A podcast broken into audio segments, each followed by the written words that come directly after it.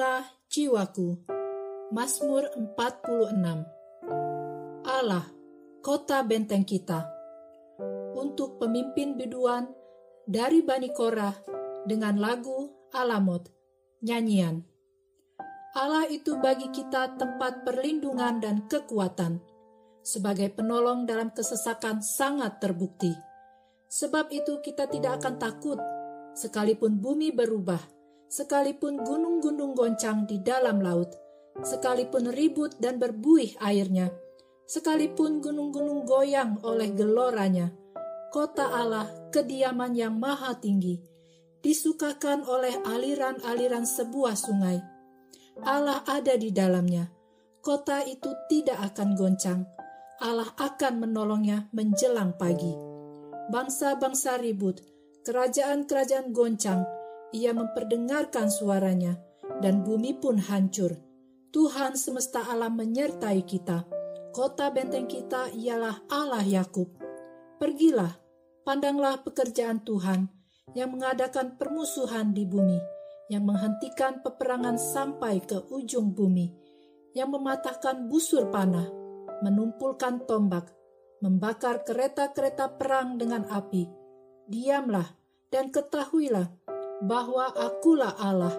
Aku ditinggikan di antara bangsa-bangsa, ditinggikan di bumi. Tuhan semesta alam menyertai kita. Kota benteng kita ialah Allah Yakub. Mazmur 46 ditulis oleh Bani Korah. Bani Korah adalah keturunan Lewi, di mana salah satu pelayanan mereka adalah melayani di dalam puji-pujian. Sedangkan Alamot adalah paduan suara wanita muda. Ada beberapa tafsiran akan latar belakang ditulisnya Mazmur 46. Ada yang menafsirkan Mazmur 46 ini ditulis setelah kemenangan-kemenangan Daud dalam peperangan 2 Samuel pasal 8 ayat 1 sampai 18. Ada yang menafsirkan Mazmur 46 ini ditulis setelah kemenangan Yosafat atas Moab dan Amon. Kitab 2 Tawari pasal 20 ayat 1 sampai 30. Dan ada pula yang menafsirkan Mazmur 46 ini ditulis setelah Yerusalem dikepung oleh Sanherib 2 Tawari pasal 32 ayat 1 sampai 23. Renungan ini akan mengambil tafsiran dari 2 Tawari pasal 32 ayat 1 sampai 23. Membaca kitab 2 Tawari pasal 32, kita juga harus membaca Yesaya pasal 36 sampai 37 dan kitab 2 Raja-raja pasal 18 sampai 19. Mazmur 46 dinyanyikan ketika bangsa Israel di bawah pemerintahan Raja Hizkia luput dari serangan Sanherib Raja Asyur. Saat itu Asyur adalah negara adidaya. Banyak bangsa yang telah ditaklukkan oleh Asyur. Dan Allah sembahan bangsa lain, yaitu berupa patung dewa-dewi, banyak yang dibakar oleh Asyur. Pembakaran tersebut melambangkan Allah mereka tidak berdaya di bawah Asyur. Allah mereka kalah dari Allah Asyur. Karena telah menaklukkan Allah-Allah bangsa lain, maka dengan kurang ajar, Sanherib menghina Allah Israel, satu-satunya Allah yang sejati. Sanherib berkata, Sebagaimana Allah bangsa lain tidak dapat melepaskan mereka dari tangannya dan telah dikalahkan, Demikian pula Allah Israel tidak dapat melepaskan bangsa Israel dari tangannya dan akan dikalahkan. Maka dalam Mazmur 46 ayat 11 tertulis Allah ditinggikan di antara bangsa-bangsa. Hanya karena pertolongan Allah saja bangsa Israel dapat luput dari serangan Asyur tanpa harus berperang. Allah mengirim malaikatnya untuk membunuh tentara Asyur, seperti yang tertulis dalam kitab Yesaya pasal 37 ayat 36 sampai 37. Setelah mereka luput dari serangan Asyur, bangsa Israel memuji Allah dan Bani Korah menyanyikan Mazmur 46 ini. Kita dapat membayangkan betapa takutnya bangsa Israel dan Raja Hizkia ketika Asyur, bangsa yang kuat, akan menyerang mereka. Asyur telah berada di luar tembok Yerusalem. Mereka mengepung dan mengintimidasi bangsa Israel serta menghina Allah. Tetapi dalam ketakutannya, Raja Hizkia masih ingat untuk berdoa kepada Allah seperti yang tertulis di dalam kitab Yesaya pasal 37 ayat 15. Dalam ayat 2, maksud dari kesesakan ini adalah keadaan yang sangat sesak. Karena tekanan dan ancaman kematian yang demikian dekat. Ayat 3 dan 4 menceritakan kerusakan bumi. Ayat 7 berbicara mengenai kondisi bangsa-bangsa di bumi ini. Ayat 5, 6, 8, sampai 10 adalah sebagai pengingat bahwa Allah berkuasa atas semuanya. Walaupun ada fenomena alam yang paling dahsyat, seperti yang digambarkan dalam ayat 3 dan 4, ataupun peperangan seperti digambarkan dalam ayat 7 sedang terjadi di bumi ini. Bumi adalah tempat manusia berpijak. Bukankah tidak terbayangkan ketika bumi di tempat kita berpijak bergoyang, lalu gunung yang sangat tinggi dan kokoh bergoncang sampai ke laut. Kemudian bangsa-bangsa ribut yang menandakan peperangan terjadi di mana-mana. Bayangkan kekacauan yang sedang terjadi. Pada zaman itu, tembok benteng adalah pertahanan dan perlindungan sebuah bangsa. Setiap bangsa akan memiliki tembok-tembok benteng yang mengelilingi kota mereka dan ada pintu gerbang untuk mereka keluar masuk. Jika musuh dapat masuk melalui pintu gerbang tersebut dan sudah berada di dalam kota, berarti keadaan sangat berbahaya. Tetapi saat itu, bangsa Asyur belum masuk ke dalam kota Yerusalem. Mereka mengepung mengelilingi di luar tembok kota Yerusalem. Maka di ayat 12, bangsa Israel berkata dalam pujian mereka bahwa Allah adalah kota benteng kita. Kita semua pasti pernah berada dalam kondisi penuh pergumulan dan sangat menyesakan seperti Raja Hizkia dan bangsa Israel. Adakah tempat di dunia ini yang dapat menjamin keamanan dan menjadi tempat perlindungan kita selamanya? Tidak ada. Apakah kita tidak akan pernah mengalami pergumulan dan kesesakan dalam hidup ini? Tidak. Saat ini, kita mungkin sedang mengalami ketakutan luar biasa karena goncangan terjadi di mana-mana.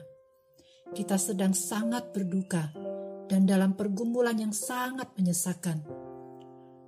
Mungkin kita sedang sakit, mungkin kita sedang kehilangan orang yang sangat kita kasihi.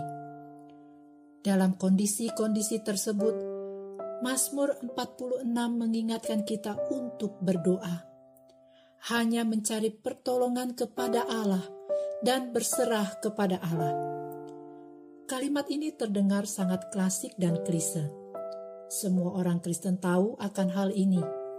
Kalimat ini sangat sering didengar dan sangat mudah diucapkan, tetapi sangat tidak mudah dilakukan, khususnya ketika kita dalam masa-masa kesesakan. Seperti Allah menolong bangsa Israel melawan Asyur tanpa mereka harus berperang, tanpa mereka harus melakukan apa pun. Demikian pula Allah akan menolong kita sesuai dengan cara dan waktu Allah, bukan cara dan waktu yang kita inginkan. Mazmur 46 ayat 11a mengingatkan kita untuk diam dan tenang. Ada kalanya Allah menginginkan kita melakukan sesuatu, tentunya dalam pimpinan Allah. Tetapi ada kalanya pula Allah ingin kita hanya diam. Karena sering kali kita sangat sibuk memikirkan ini, itu, dan melakukan ini, itu, sehingga kita tidak memberikan diri kita waktu tenang untuk bergumul bersama Allah. Allah ingin kita diam dan tenang dan mengetahui bahwa Allah adalah Allah yang hidup dan berdaulat. Alkitab mencatat banyak sekali ketakutan. Kisah anak-anak Allah yang berada dalam keadaan yang sangat menyesakan. Ketika Yusuf dijual oleh saudara-saudaranya, Bukankah saat itu Yusuf berada dalam keadaan yang sangat menyesakan? Dan kesesakannya tidak berhenti, namun berlanjut ketika ia difitnah oleh istri Potifar dan dipenjara. Ketika Ayub kehilangan semua yang ia miliki, bahkan kehilangan anak-anaknya, bukankah saat itu Ayub berada dalam keadaan yang sangat menyesakan? ketika Paulus disiksa, bahkan hampir kehilangan nyawanya, dipenjara karena memberitakan Injil, dan diberi penyakit sehingga menjadi duri di dalam dagingnya. Bukankah saat itu Paulus berada dalam keadaan yang sangat menyesakan? Tetapi Alkitab mencatat ketakutan, kesedihan, dan kesesakan mereka tidak membawa mereka mempertanyakan Allah, tidak membuat mereka kehilangan iman dan pengharapan kepada Allah. Ayub bahkan berkata kepada istrinya, "Apakah kita mau menerima yang baik dari Allah, tetapi tidak mau menerima yang buruk?" Ayub 2 ayat 10. Dan ketika Paulus meminta Tuhan mengangkat duri dalam dagingnya, Tuhan menjawab, Cukuplah kasih karuniaku bagimu, sebab justru dalam kelemahanlah kuasaku menjadi sempurna. 2 Korintus 12 ayat 9 Dan Paulus rela menjalani kesesakannya, supaya kuasa Kristus turun atas Paulus dan Tuhan dipermuliakan. Seringkali ketika berada dalam kesesakan, kita bertanya, di mana Allah? Mengapa Allah membiarkan semua ini terjadi? Mengapa penderitaan terjadi kepada saya? Pernahkah dalam masa-masa sukacita kita mencari Allah dan mempertanyakan pertanyaan yang sama? Mengapa Allah membiarkan sukacita terjadi? Mengapa sukacita terjadi kepada saya? Kita sangat mudah dan sangat terbuka menerima kenikmatan dari Allah tetapi sangat sulit dan sangat tertutup menerima penderitaan dari Allah. Seringkali apa yang manusia lihat sebagai masalah, Allah melihatnya sebagai kesempatan. Kesempatan untuk kita dapat semakin merasakan kasih, pemeliharaan, kuasa, dan kedaulatan Allah, dan mengimaninya di dalam hidup kita Kesempatan untuk kita mempertanyakan seberapa jauh kita mengenal Allah. Apakah pengenalan kita akan Allah yang Maha Kasih, Maha Kuasa, Maha Pelindung, Allah Pemelihara, membuat kita berpikir seharusnya tidak ada kesusahan dan penderitaan dalam hidup ini? Apakah seharusnya Allah menjawab semua doa yang baik? Misalnya mendoakan kesembuhan untuk orang lain, jika pengenalan kita akan Allah adalah demikian, maka kita sedang menjadikan Allah sebagai jin dalam lampu Aladin.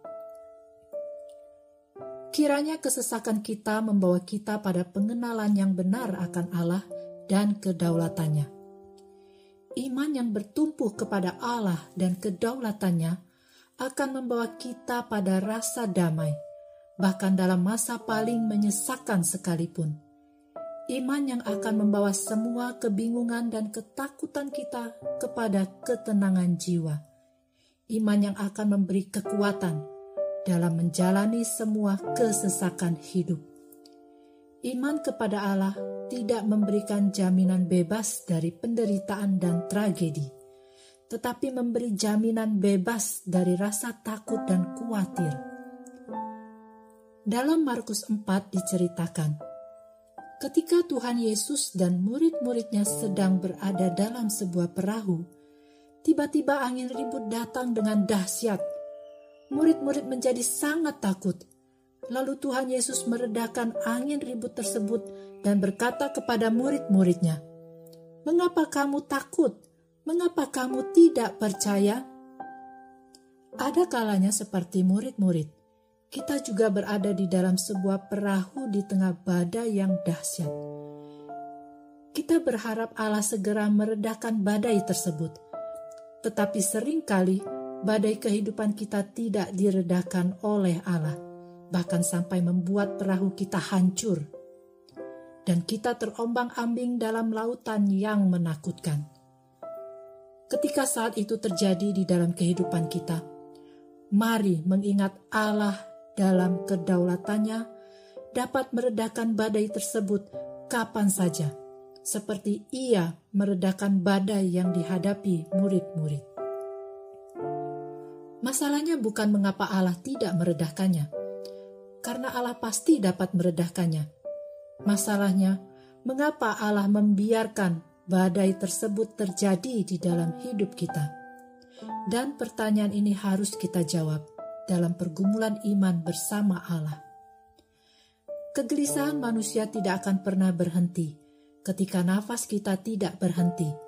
Mari, jangan berharap tidak pernah ada kesesakan dalam hidup ini, karena ini harapan yang sia-sia. Mari berharap kita tidak pernah kehilangan pengharapan kepada Allah, bahkan ketika berada dalam keadaan yang paling menyesakan sekalipun karena ini harapan yang pasti.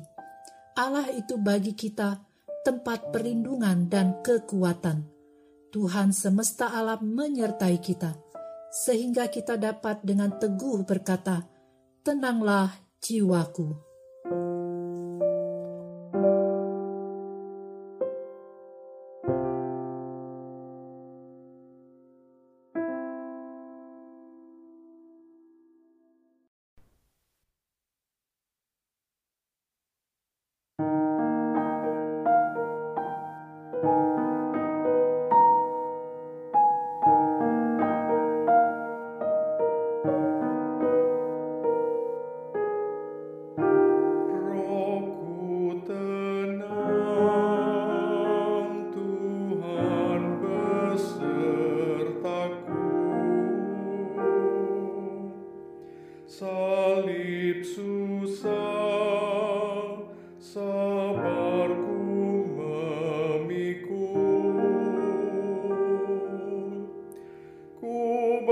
Son.